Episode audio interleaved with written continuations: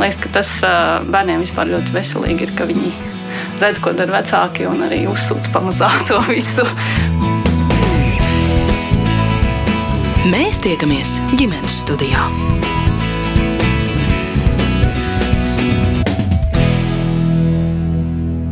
Labdien!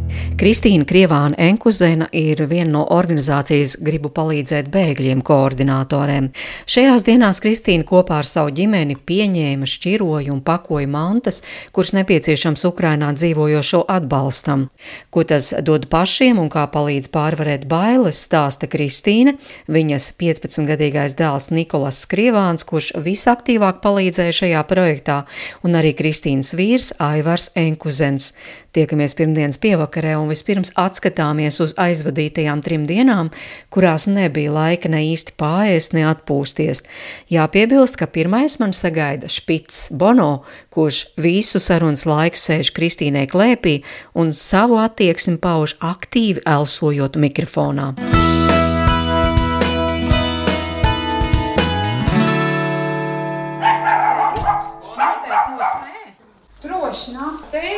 kafiju. Paši vispār esat iedzēruši tēju šajās dienās? Vakar mēs pasūtījām, izmantojām Boltu piegādi. Un vienreiz pārēdām. Un, un, un šodien no rīta apēd desu maizi. Un tu laikam tagad pārēdi, ja? Yeah. Beidzot, jā. Beidzot. Tāpēc, tagad, tāpēc mēs piedāvājam tēju vai kafiju, jo patiesībā mēs paši gribam tēju vai kafiju. Labi, baudīsim arī tēju vai kafiju. Kādas jums vispār ir bijušas tagad šīs pēdējās dienas? Man ir tāda sajūta, ka šī ir tāda viena diena bijusi. Pie nakti, manuprāt, kaut kādas četras stundas pagulēju starpā. Sestdiena bija relatīvi mierīga. Bet tā, kas bija vakar, vakar bija svētdiena. Vakar bija svētdiena. tā bija nu, traka diena. Telefons zvanīja nepārtraukti, paralēli messengeris pīkstēja, cilvēki no Facebook rakstīja. Plus vēl koordinātoru čats, jo visu laiku mainījās noteikumi, kādas preces ir nepieciešamas, kādas nav. Tas bija tādā vienā non-stopā un tiešām pusdienas desmitos vakarā tu saproti, ka es visu dienu nostaigāju zābakos. Un... Bet tātad, kas šo koordinē? Šis uh, viss uh, nāca mums no um, organizācijas Gribu palīdzēt bēgļiem. Apakšorganizācija bija uh, Facebook lapa, organizācija labdarības lapa, kas jau ilgstoši Latvijā nodarbojas ar palīdzēšanu trūcīgām ģimenēm, bērnam, bērniem un tā tālāk rīko dažādas pasākumus. Un uh, vadītāja lapas Amanda bija ielikusi, par cik viņa arī personīgi pazīst. Viņa bija nopublicējusi Facebookā, kad aicina palīdzīgas rokas. Un par cik jau mūsu mājas ir bijušas noliktavas labdarības pasākumiem, tad, uh, protams, bija sajūta, ka, jā, ka tas ir jādara. Nebija vispār divas domas, kad ne, mēs stāvēsim malā. Un, uh, bija sajūta, ka tas ir jādara un viss. Tas bija burtiski 20 minūšu jautājums, kad mans telefons tika publicēts kā koordinatoru, un viss šis sākās. Kā tu atceries visu šo, kas sākās jūsu mājā? Mm, sākās tāda diezgan skriešana. Ļoti daudz cilvēku, kas bija nebijis diezgan mūsu mājās. Nu, bija diezgan grūti, bet bija laba sajūta, nu, ka tu palīdzēsi tiešām tiem cilvēkiem, kuriem to tiešām vajag palīdzību ko cilvēki nesa, kas visakūtāk ir vajadzīgs? Mm, izrādās, beigās, ka drēbes bija ļoti daudz. Uh, bija daudz konservu, sausās, brokastis, uzlēmā pārtika. Visādi tur makaroni, grīķi, rīsi, dzīvnieku barība un bērnu. Tas, kas ir vajadzīgs. Jā, bija arī šī organizācija, kas ir tā, kuru mēs šobrīd nogaidām, kas ir galvenie tie koordinatori. Viņiem bija no Ļuvovas tieši no sadarbības pilsētas atsūtīts saraksts ar lietām, kas ir nepieciešams. Un uz šo mēs arī pieturējāmies, balstījāmies. Cilvēki, kas prasīja, mēs viņiem arī teicām, ka vajag tādas un tādas lietas. Jo šis būs tas tāds, es saprotu, ka nu, no mūsu organizācijas pirmais lielais sūtījums. Un, Uz savu galvu paļauties un kaut ko izdomāt, nu, mēs sūtīsim to, tas īsti nē. Un, tāpēc bija tiešām cieša sadarbība ar Ļovas pašvaldību. Un viss tika vākts tas, kas viņiem tiešām ir nepieciešams. Nu, tā tad šī pārtika, ko var ātri pagatavot, konservēta pārtika, ko jau Konservēta teicu. Higienas lietas, arī medicīniskās kaut kādas pirmās nepieciešamības, plāksteri, guļamaisi, pledi. Protams, arī siltās drēbes, bet tās visātrāk tika savāktas. Nu, bet cik liela atsaucība? Ļoti. Ļoti liela atsaucība. Nu, cilvēku vēlme palīdzēt bija tiešām milzīga. Un cilvēki joprojām zvana un interesējas, kad būs nākamās dienas, kad jūs vāksiet pasūtījumus. Arī uzņēmumi, kas nāca ar lieliem ziedojumiem, beidzot ar tādiem man kaimiņu tante piezvanīja vakarā jau vakar. Un viņi saka, man nav nekas daudz, bet drīkst es atnesīšu jums kafijas paciņu un četras šokolādes tāfelītes. Tik ļoti gribās kaut ar nieciņu palīdzēt. Mm, gribu izstāstīt no kolēģiem stāstu, no kurzemes puses, neminēšu precīzi un nesauksim vārdos. Viņiem uz uh, mantu nodošanas punktu atnāca kungs, kurš teica, meitiņ, man nekas nav, bet es esmu savai vajadzībai uztaisījis kanģu. Viņš saka, es varu padalīties, es tā gribu iedot. Tas tikai pierāda to, ka tiešām cilvēki no sirds ir gatavi dot to, kas viņam ir un ar ko viņi ir bagāti. Jā, nu tas tā no cilvēka puses, bet eh, jūs jau mēģinājāt ieskicēt, bet ko tas prasa no jums kā koordinatoriem? Nu, slapju muguru. Man sākumā likās, ka tiešām es tikšu, nu, kas tur ir. Jā, tur atbrauks kāds un neko. Beigās mēs te slapju muguru, divi tā, un tad arī maisu siešanā vīrs iesaistījās. Un lielais bērns, kas bija darbā, atnāk no tā darba, drukāja. Nu, katrs pieslēdzās pats. Un, uh, Prasīja ļoti lielu darbu, jo mēs arī centāmies. Nu, mums arī bija prasība, kā pēc skaita. Mēs tiešām skaitījām roltonu paciņas. liekot kastēs. Tas bija svarīgi, jo viņiem bija svarīgi tas apjoms, apmēram, nu, cik tomēr ir, ko mēs dodam. Un tas bija ļoti liels darba apjoms. Tiešām mēs tagad sēžam, un man vēl ir dati, kas ir jāsavada tabulā kaut kādā, lai es zinātu, cik no tieši mana koordinācijas punkta tika atdots. Es nezinu, kad es to paspēšu. Nu, cik bija piemēram tās roltona paciņas? Nikolas. Jā, Nikolas jāskaitīja. Roltona paciņas bija aptuveni 160 gabali. Konservu buļģis, kas ir gaļas konservi, bija kaut 250 plus mīnus. Ap 300 kaut kādiem varētu būt uh, muslī batoniņiem.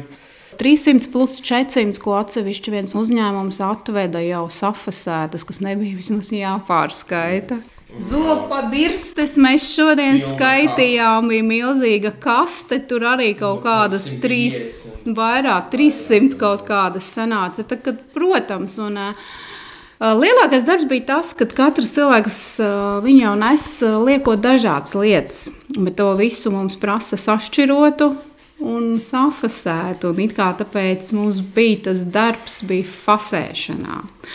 Un arī šajā jomā man ļoti daudzi kaimiņi, kas nāca, tiešām cilvēki, kas nāca, viņi saka, zodiet ziņu, ja vajag palīdzēt, esam gatavi, nāksim, šķirosim. Un es zinu, šobrīd lielajos punktos, kur tika aizvestas drēbes nešķirotās, jā, mums uh, ir iedzīvotāji, kaimiņi nāk, saka, mēs nāksim, mēs palīdzēsim, mēs šķirosim. Kad, ja vajag palīdzīgas rokas, visi ir atsaucīgi. Man arī nebija materiāls, man nebija plēve fasējumā, man nebija kastes, kur to visu salikt. Un, burtiski 15 minūšu laikā kaimiņi no blakus mājām sanesa visu nepieciešamo. Tiešām katrs gatavs ir pielikt savu roku. Jā, es tur lasīju arī tikko Facebook, arī bija, ka tepat kaimiņos laikam notiek tā šķirošana, ka cilvēku, kuri grib iesaistīties, ir tik daudz, ka vienkārši saka, stop, stop, pagaidiet, mēs jūs pasauksim, mēs vienkārši nevaram tik daudz cilvēku nodarbināt. Jā. Jo man jau arī nu, tā vieta ir tik, cik ir, un es saprotu, ka es nevaru šeit desmit cilvēkus nosēdināt, kas šķiro. Un, jā, bet nu, es domāju, ka svarīgākais ir tas, ka tiešām tie cilvēki ir gatavi palīdzēt. Tas ir ļoti svarīgi. Nu jā, un pie tam tā ir jūsu privāta māja. Tās nav nekādas oficiālas, teiksim, jūs atverat vārtus, lūdzu, lūdzu brauciet iekšā. Vesela telpa ir atvērta visam. Jā, suņi bija panikā. Pirmajā dienā viņi nesaprata, kas notiek, kāpēc tik daudz ir cilvēki. Bet jā, jā nu, tas ir vismaz kaut kas, tad nav tā bezspēcības sajūta, ka tu neko nevari darīt, nu, tad vismaz kaut ko. Jo, nu, būsim reāli, mēs, protams, nevaram paņemt ieroci un tādā veidā, bet mēs varam šādā veidā kaut kā atbalstīt. Kādas domas visas šīs dienas tik aktīvi darbojoties? Mm, patīkami sajūta, ka nu, mēs darām kaut ko labu, mēs palīdzam. Nu, vismaz kaut kā mēs palīdzam tiem cilvēkiem, kuri nu, tikuši tādā situācijā. Nu, kā jau minēja, mēs nevaram aiziet, paņemt ieroči un iet karot, bet nu, ar šādu palīdzību mēs ļoti lielu viņam dodam palīdzību. Bet nu, ir tā mierīgāk pašam, ka var šādi Jā. iesaistīties. Ir mierīgāk, nav tāda bezspēcības sajūta, ka tu nevari nekā palīdzēt, var teikt, savam tuvākajam. Nu, jā. Nu, kādas domas ir par to, kas tur notiek? Tas tomēr ir kaut kas ārkārtējs, ja? nu, karš, par ko ir lasīts tikai grāmatās, redzēts filmās. Nu, bēdīgi tas jūt, ka kādam nu, iedomājās vienkārši, ka vajag pēkšņi pakarot, ka tā nepietiek bēdu pasaulē ar šo covid krīzi un tā tālāk. Nu, bēdīgi par tiem cilvēkiem, kas izcieš to visu. Tas no pirmās dienas, ceturtdienas rīts sākās ar to, ka man bērns lielais bija naktsmaiņā darbā. Un, uh, viņš bija atsūtījis WhatsApp ziņu. Viņš nu, kā darbā naktī bija ātrāk ieraudzījis to informāciju, kad ir sācies šis bruņotais konflikts. Un, Man liekas, ka ceturtdienas rītā es arī pamodos kaut kādos piecos no rīta ar domu, ka tā pirmā bija neticība. Tiešām likās, ka šis notiek 21. gadsimta Eiropā un tepat nieka tūkstoš kilometru attālumā. Bija šoks, bija sašutums, bija dusmas un mazliet arī izmisums. Un patiesībā ir bail, jo nu, es esmu barikāžu bērns, es biju kā bērns. Bija bail. Un joprojām ir neomīgā sajūta, jo nu, šodien tā ir Ukraina, varbūt pēc mēneša. Jo manuprāt, kara noziedznieks šo visu. Un to, kas ir galvā, nu, es personīgi es, es vairs nejūtos droši. Man tiešām bail.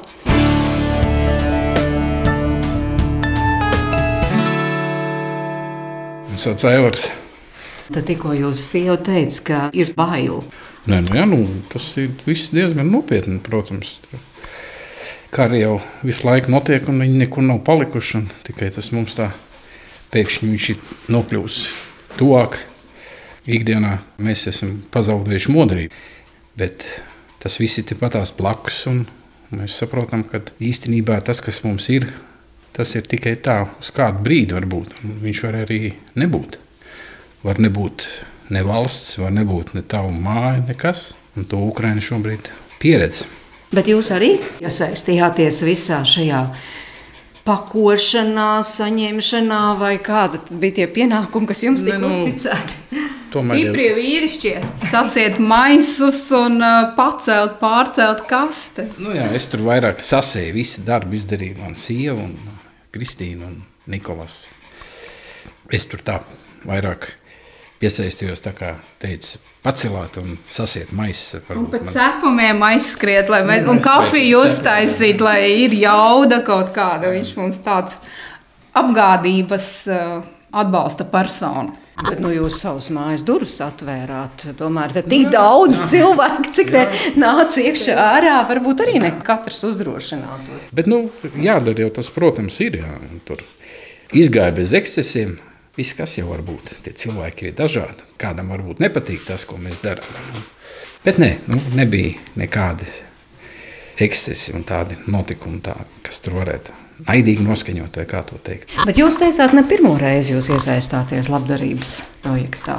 Es jau esmu diezgan sen ar šo labdarības lapas organizāciju, cik kādus, kad mums te vēl bija noliktava Pāris gadu Pāris gadu atpakaļ, jā, visu laiku ir ik pa laikam bijis. Un, un, un tiešām to labdarības lapu ar organizāciju ir nācies jau sadarboties un tādā vietējā mērogā.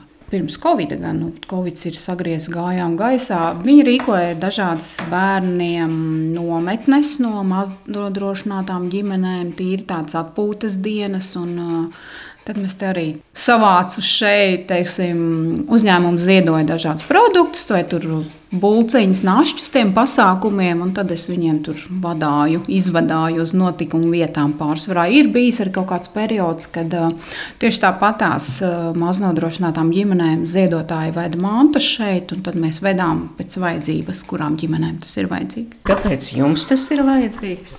Nu, tāpēc, kad palīdzēt citiem ir forši. Tas dod uh, to labo sajūtu, ka tu esi pilnvērtīgs sabiedrības loceklis. Ne visiem dzīvē ir tā paveicies, kā ir paveicies man. Man ir mājas, man ir ģimene, man ir viss kārtībā, man ir darbs. Ne visiem, diemžēl, tā ir paveicies. Un mēs taču kļūstam par labākiem cilvēkiem, ja mēs palīdzam viens otram.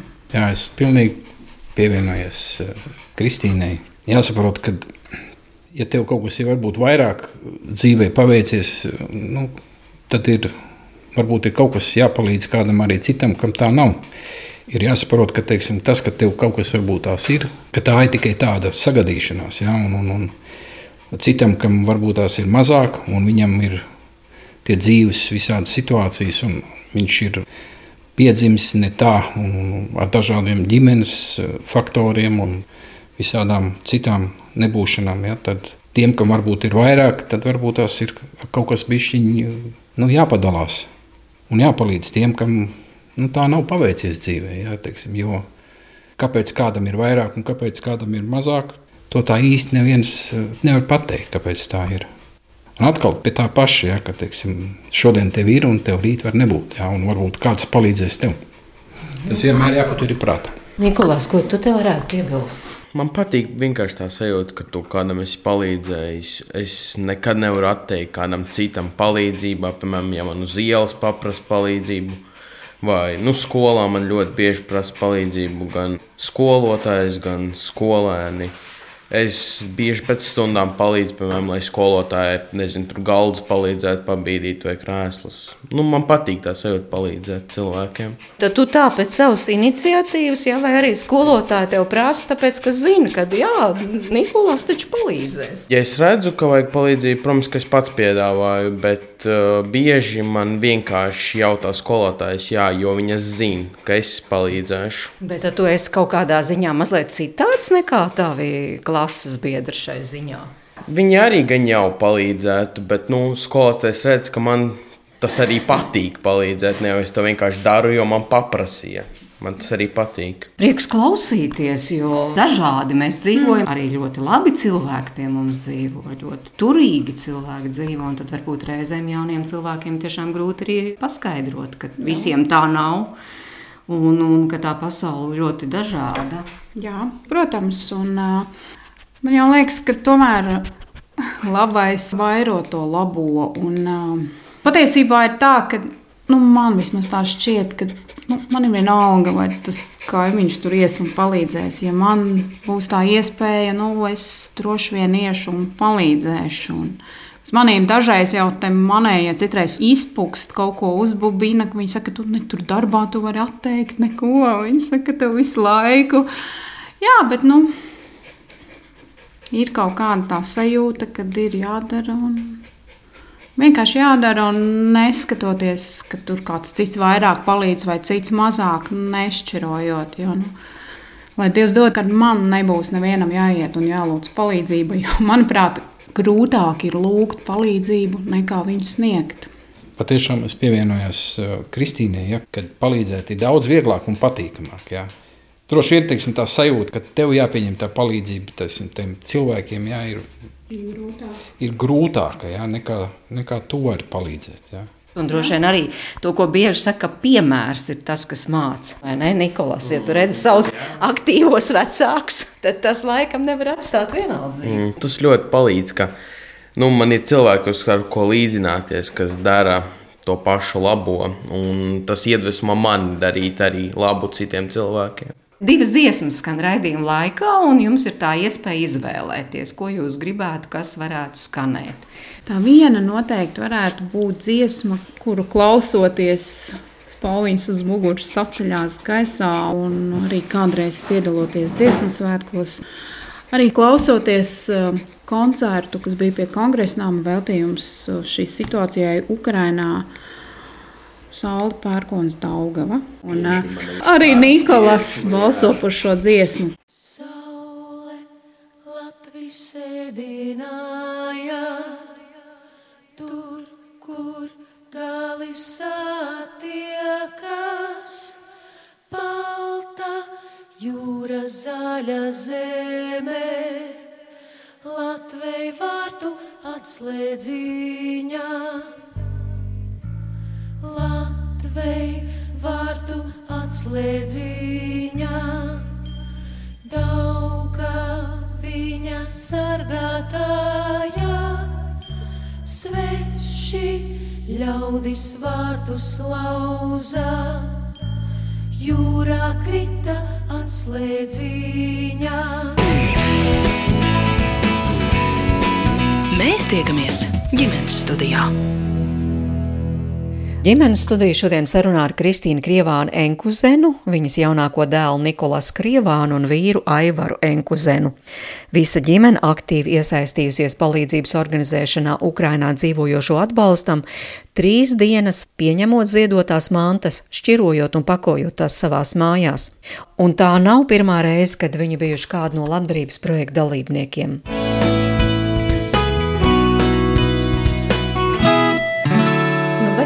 Jūsu ikdiena? Nu, šis jau ir tāds absolūts izņēmuma mirklis, kurā mēs satikāmies. Tad, tad uh, trīs dienas jūs Jā. darbojāties no ar šo projektu. Sestdiena, svētdiena, pirmdiena. Nikolas neaizgāja uz skolu, lai varētu palīdzēt. darbu. Es neaizgāju šodien darbu. Jā, nu, ikdiena mums ir uh, visiem. Lielais bērns mums gan mācās, gan strādā. Nikolas ir pilns slodzes skolnieks, devītklasnieks. Um, Vīrs strādā, pilna darba, bet viņš no mājas oficiālā strādā. Paveicies tādā ziņā, ka es varu no mājām strādāt, jā, bet man nu, šobrīd vismaz darbs ir pilnvērtīgs un tā. Uz biroju nav jābrauc. Es strādāju no mājām. Es esmu vienīgais, kas katru dienu ceļās un iet uz darbu. Strādājot slimnīcā, kur pēc būtības es daru to pašu. Ko. Šīs trīs dienas nu, es strādāju ar cilvēkiem, kā klienta cilvēks. Katru dienu uzklausu sāpītes un bēdiņas. Un, nu, mēģinu, lai šiem cilvēkiem šī diena kļūst labāka. Un šīs slimnīcas apmeklējums katrs, lai kļūst labāks. Tas ir mans tiešais, mana ikdiena. Nu, bet tad jūs arī tuvāk un citādāk izdzīvojāt to Covid laiku nu, tādā ciešākā saskarē, tā teikt. Jā, jo ja Covid laikā daudzi zaudēja darbu, daudziem bija spiesti iet attālināt un tā tālāk. Un, nu, personīgi man Covid laiks bija darba vispilnākās rokas, un arī pēc tam, kad sākās vakcinācija, mēs bijām tā pirmā līnija, kas izveidoja vispār sistēmas stradiņos un ar kolēģiem kopā strādājām. Man liekas, ka janvāris un februāris bija kopā bez brīvdienām un nu, tā slapju muguru. Un tiešām, jā, Covid laiks bija ļoti darbīgs. Nebija neviena diena praktiski, ka nebija ko darīt, kad mēs domājām, nu, visiem ir Covid, visi sēž mājās, tikai ne mēs. Kādas atziņas jums ir pēc šī laika, kā tas viss izskatījās tur no slimnīcas puses? Cilvēki strādāja ar pilnu atdevi, pat nedomājot par to, kā tas izskatās no malas. Jo bija, nu, es atļaušos teikt, kā karā. Mums bija jāiet, mums bija jādara. Mēs apzinājāmies, kādos riskos mēs strādājam, ka mēs varam saslimt, atnest mājās saviem tuvajiem uh, vīrusu. Bet tajā laikā, tad, kad tu strādā 11 stundas, tu par to nedomā. Tas, ko tu vari, ir paļauties saviem kolēģiem, lepoties ar kolēģiem, kas strādā Covid nodaļā. Un, lūgt savus apkārtējos cilvēkus būt atbildīgiem. Tiešām tas bija tas, ko es arī apzinīgi darīju. Es tiešām aicināju savus draugus un visus radus, ka tiešām būt atbildīgiem. Un, Mēģināt, kā man brālēns man teica, mēģināt cilvēcīgā valodā pastāstīt, ka tas ir nopietni. Tie nav joki. Un darbs nebeidzās izējot no darba, jo otrā maiņa sākās mājās, kad visi prasīja, kā ir un ko darīt, un vai tiešām ir tik traki. Tā bija tā otrā maiņa. Un, jā, tā tas intensīvi tiešām šie Covid-2 bija vairāk gadi palidoja arī ātrā tādā vilcienā un, un intensīvā darbā.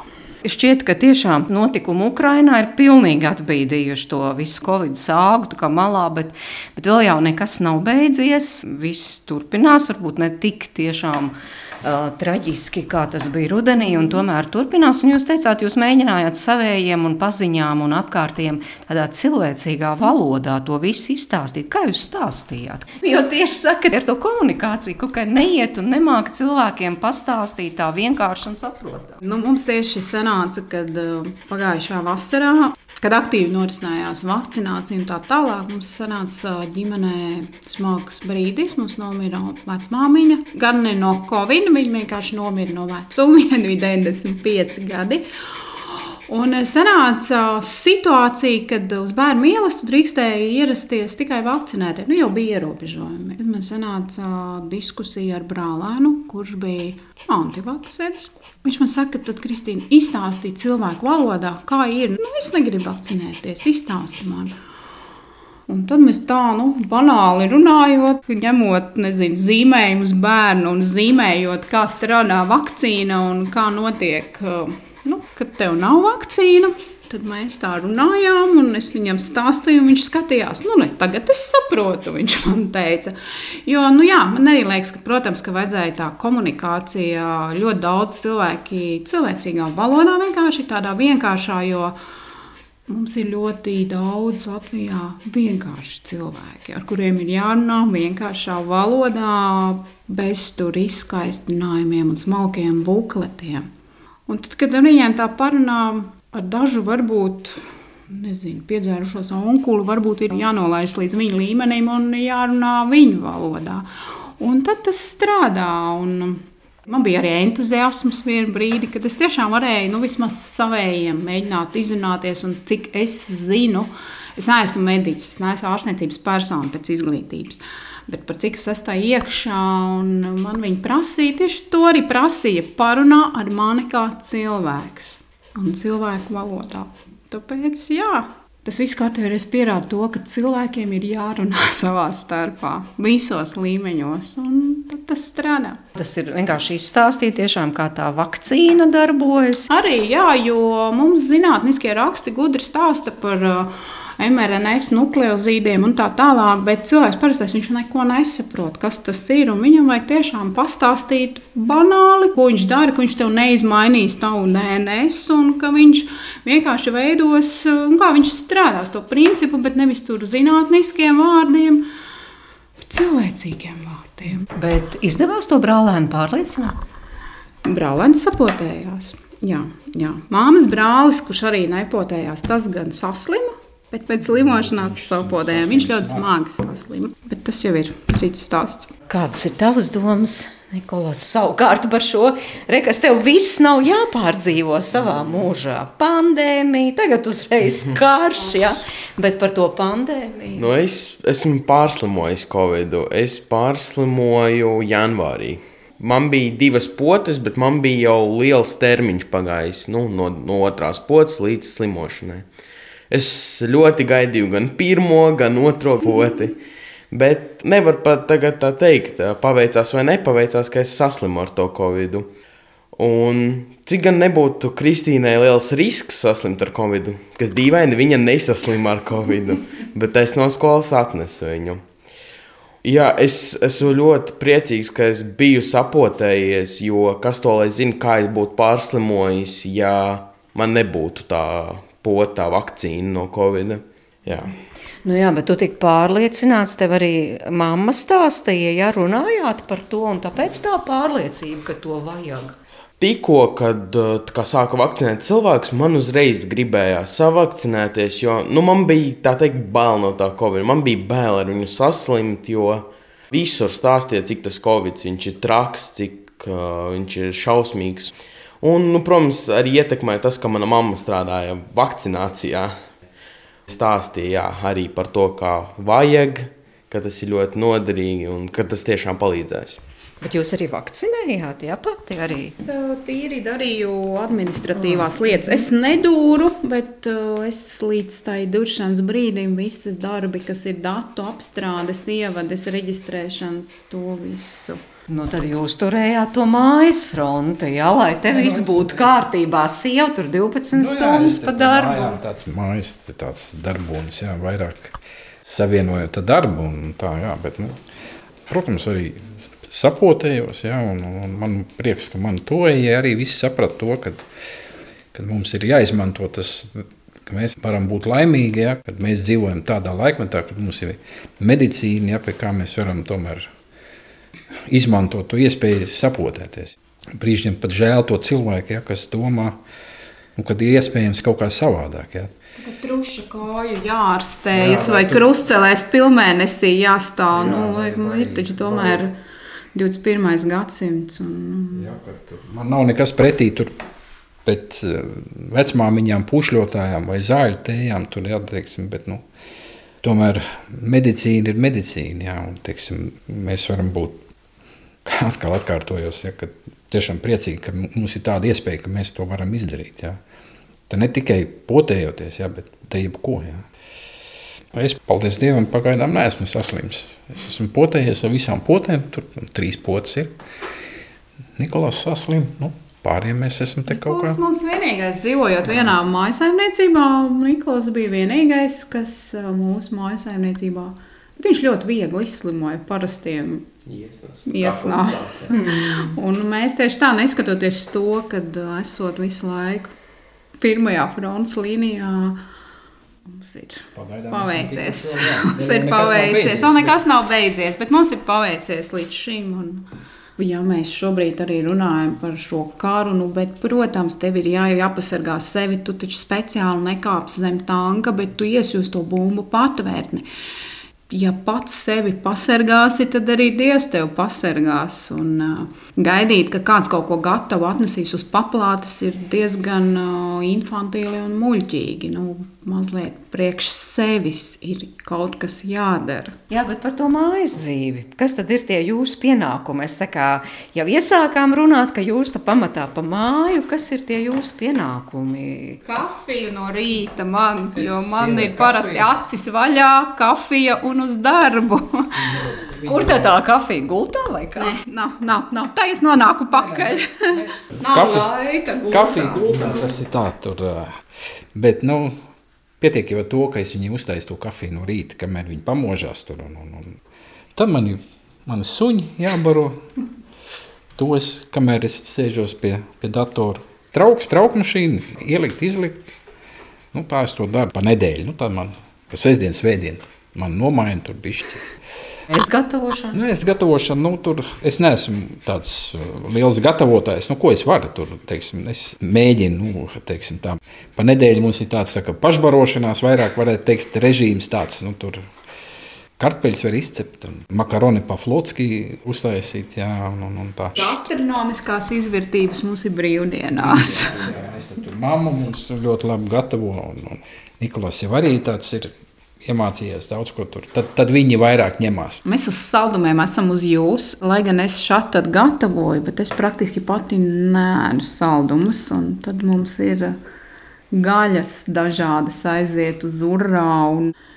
Tad, kad mums kāds brauc, viņi brauc, jo viņi zina, ka es te vienmēr notiek gatavošana. Un, kas būs ko apēst. Jā, un, un tas ir tas, kas ir mana meditācija Es parasti, ja man arī ir kaut kāda grūtā nedēļa, es, kā es parasti saku, es slēpjos virtuvē, tad es knibinos un kaut ko darbojos. Tā ir mana meditācija. Tad mēs darbojos.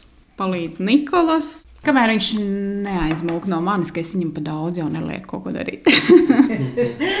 Nikolas, kā tu vari palīdzēt? Kartupeļus nomizot, kaut ko sarīvēt, varbūt dažreiz es, kad mamma nevar uztaisīt vai negribu, es viņas vietā uztaisu ēst. Nu, Ko tu proti? Bieži es tur vistas visādas cepu, cepetes, cepis, vokus, zupas es vēl nemāku desertus, ja gribētu, mācētu.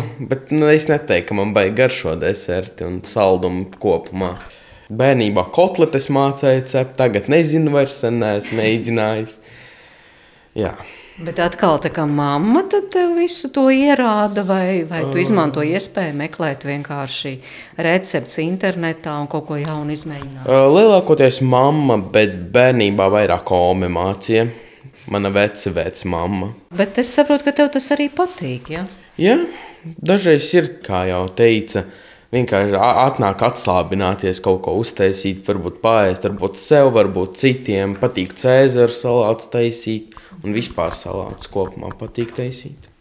Nu, kāds jums vēl ir tās eh, jūsu ģimenes atslābināšanās recepts? Kristīna teica, pazūd virtuvē, tā ir viņas meditācija. Tev ir vēl kaut kas, kas tev aizrauja, kas ir interesanti. Nu, ja ir runa par atslābšanu, man patīk vienkārši nezinu, pie datora pasēdēt, mūziku paklausīties vai paspēlēt kaut ko.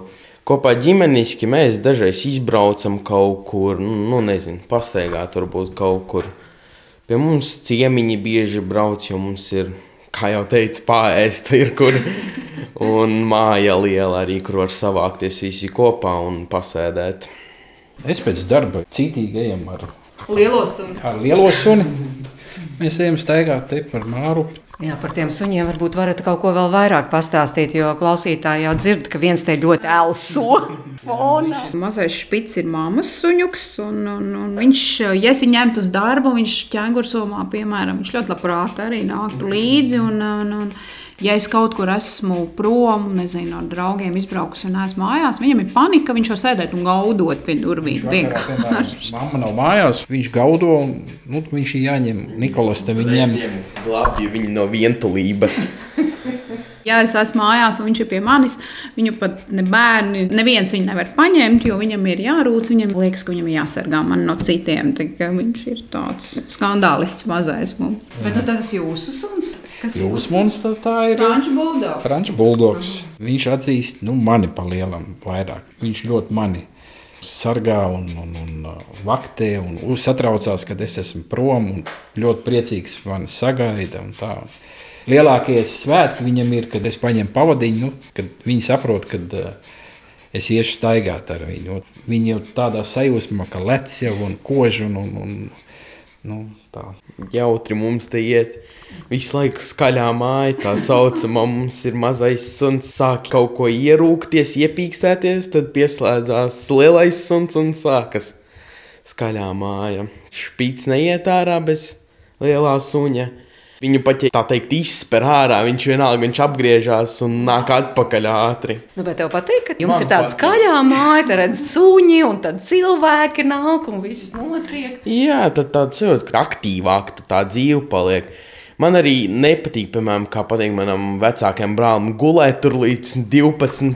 vieniem. Man patīk agrāk celties bišķīt, jo, jo baigi ilgi guļ, tad sajūta, ka tu visu dienu esi nogulējis un diena iet pa grīsti vienkārši.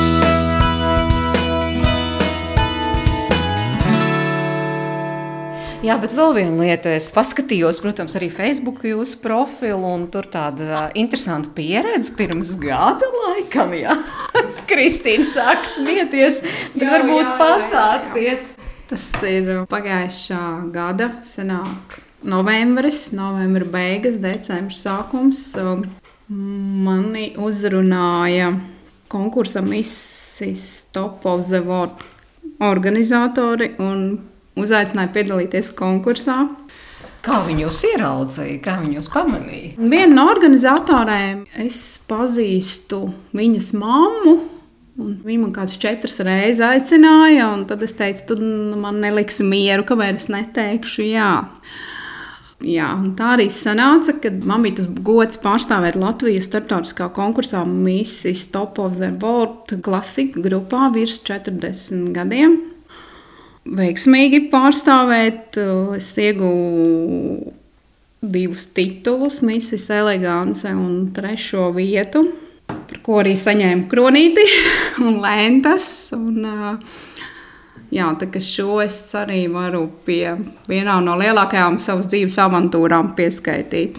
Bet ko prasīja šie piedalīšanās konkursā?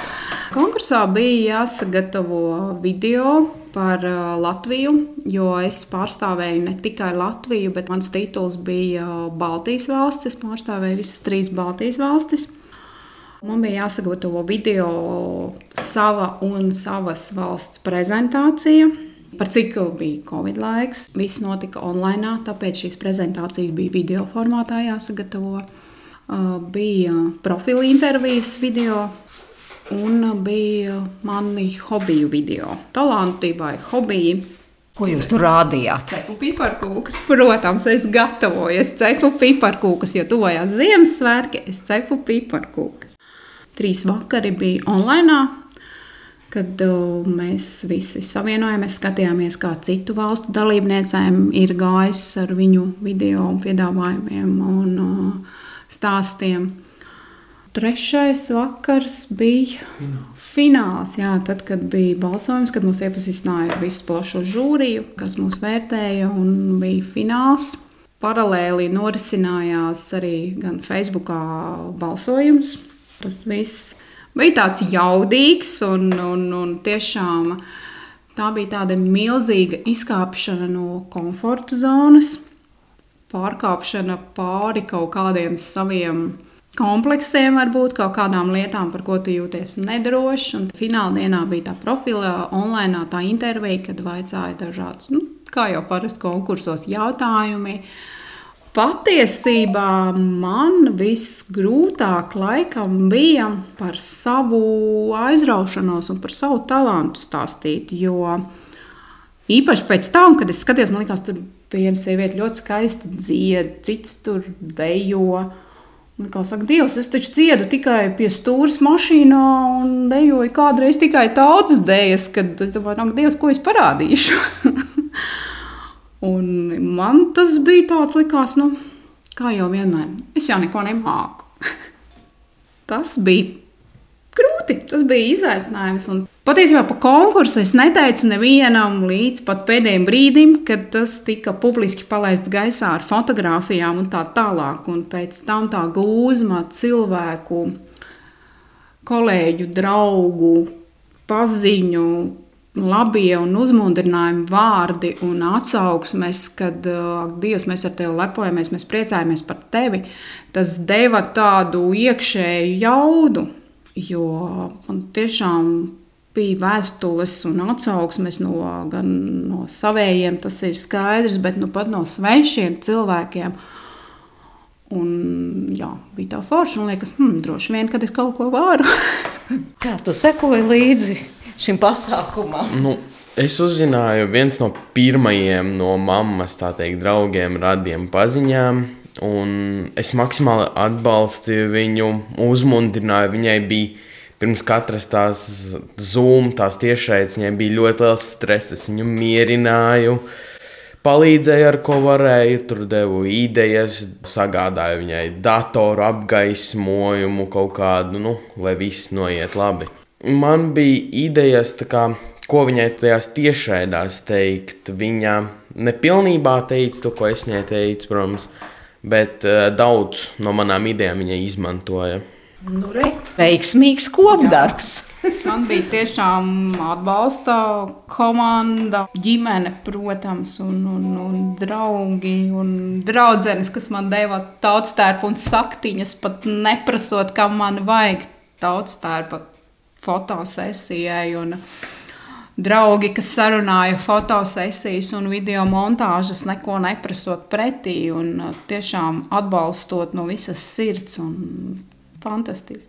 Droši vien lepojaties, vai ne? Jā, protams, ka man ir tāda skaista sieva. Man patiešām patīk, ka viņa ir tāda patstāvīga un, un uzņēmīga, un, un, un viņa dara to ar, ar tādu pārliecība, jā, un, un viņai patīk tas, ko viņa dara, un ka viņa tādā veidā realizē sevi, ka ir tāds plašs interešu lokus. Un, protams, es viņu tikai atbalstu jā, tādās lietās. Jā. Jūs par savu vīru ar kaut kā varētu palepoties? Protams, viņš ir uh, mans stiprais plecs, kas uh, atbalsta mani gan darbā, gan dažādās ikdienas lietās palīdz, protams, un viņš vienmēr man ir palīdzējis. Viņš man ir grūtos brīžos bijis blakus un atbalstījis mani. Un, uh, mums ir arī bērni, kas atbalsta un kas ir lieli, jau principā pieauguši cilvēki. Tāpēc es varu droši teikt, ka mans mājas ir mana stiprā pils, kur mani atbalstīs, uzklausīs. Lai tas būtu konkurss vai tas būtu palīdzības uh, vākšana bērniem, es zinu, ka mana ģimene mani atbalstīs. Tiešām manas mājas būs mana stiprā pils. Vai tagad skatoties uz priekšu, jums varbūt ir vēl nākamās idejas? Kāda būs tā nākamā lielā avantūra vai projekts, vai šobrīd nav vēl tādas domas? Tādā ilgākā termiņā, protams, mums ir lielais projekts, kas mums ir jāpabeidz. Mums ir Nikolas un 9. klase. Tas ir, ko mēs mēģināsim koncentrēties, neskatoties uz uh, valstisko situāciju un pasaules situāciju. Un, um, jā, mēģināsim tāpat atbalstīt viens otru, un pēc vajadzības kādu citu atbalstīt. Un, uh, ļoti mainīt neko cerams nevajadzēs, kad um, tāpat turpināsim un uh, būsim atvērti dažādiem jauniem izaicinājumiem. To 9. klasi, kā jūs pabeigsiet kopā, kāds būs tas jūsu kā vecāka atbalsts viņam? Jo droši vien jāizdara, jābūt pašam, bet uh, jāizdara pašam, bet uh, mēs neesam tie vecāki. Es nekad neesmu bijis tā māma, kas uh, pildīs viņu vietā mājas darbus un tā tālāk. Un, uh, es vienmēr mēģinu gan lielākam bērnam, gan mazākam bērnam uh, iemācīt to, ka uh, tās zināšanas, ko viņš iegūs, būs vajadzīgas viņam, nevis man, jo es jau tā kā skolu esmu pabeigusi. Un, mēs arī mēģinām izturēties pret mācībām ar šādu skatu punktu, ka tās zināšanas ir viņam nepieciešamas. Man nav svarīgi, vai viņam ir nezinu, desmitnieki tikai tā tālāk. Man ir svarīgi, lai viņam ir zināšanas. Bet uh, cīnās Nikolas, un mēs viņu dažreiz pabakstam. Tā. tā būs viss pareizāk par mūsu, kas attiecās uz mācīšanos. Jo cīnās pats ar mūsu pabakstīšanu. Mhm. Nikolās, kāda ir plāni? Svarīgs brīdis, vai ne? Pabeigt to 9. Mm. klasi. Un... Izdomājis, es vēl nesu, kur es iešu pēc 9. bet idejas ir vairākas. Bet, kā jau minēja, Jā, man nekad nav pildījuši mājas darbus, un esmu par to ļoti pateicīgs. Jo tas tiešām noder, ka tu pats kaut vai tu izdari visu nepareizi, vai, vai tu nesaproti, kā darīt, bet tu vismaz centies to izdarīt, vai tu vismaz to sapratīsi. Nevis, ja tev vienkārši atnāc mājās, iedod burtnīcu mammai, viņa visu izpildīja tavā vietā, un viss. Un tas arī kontroldarbos, protams, palīdz, protams. Nu, tad, lai jums izdodas viss, par ko jūs runājat, un lai tā mierīgi ir uz priekšu. To es Mairits Notiņu novēlu Kristīnai Krievānai Enkuzenai, Aivaram Enkuzenam un Nikolasam Krievānam. Man pievienojas arī ģimenes studijas komanda Ilze Zvaigzne, Nora Mītspap un Ģirds Bišs, un atvadoties, lai skan vēl viena Kristīnas izvēlēta dziesma. W той день, коли ми станем собою, Zацвітуть абрикоси, зайвий осад розтане на дні. той день твої розплетені коси, як світанкові роси, впадуть знов на обличчя мені. В той день, коли ми станем собою.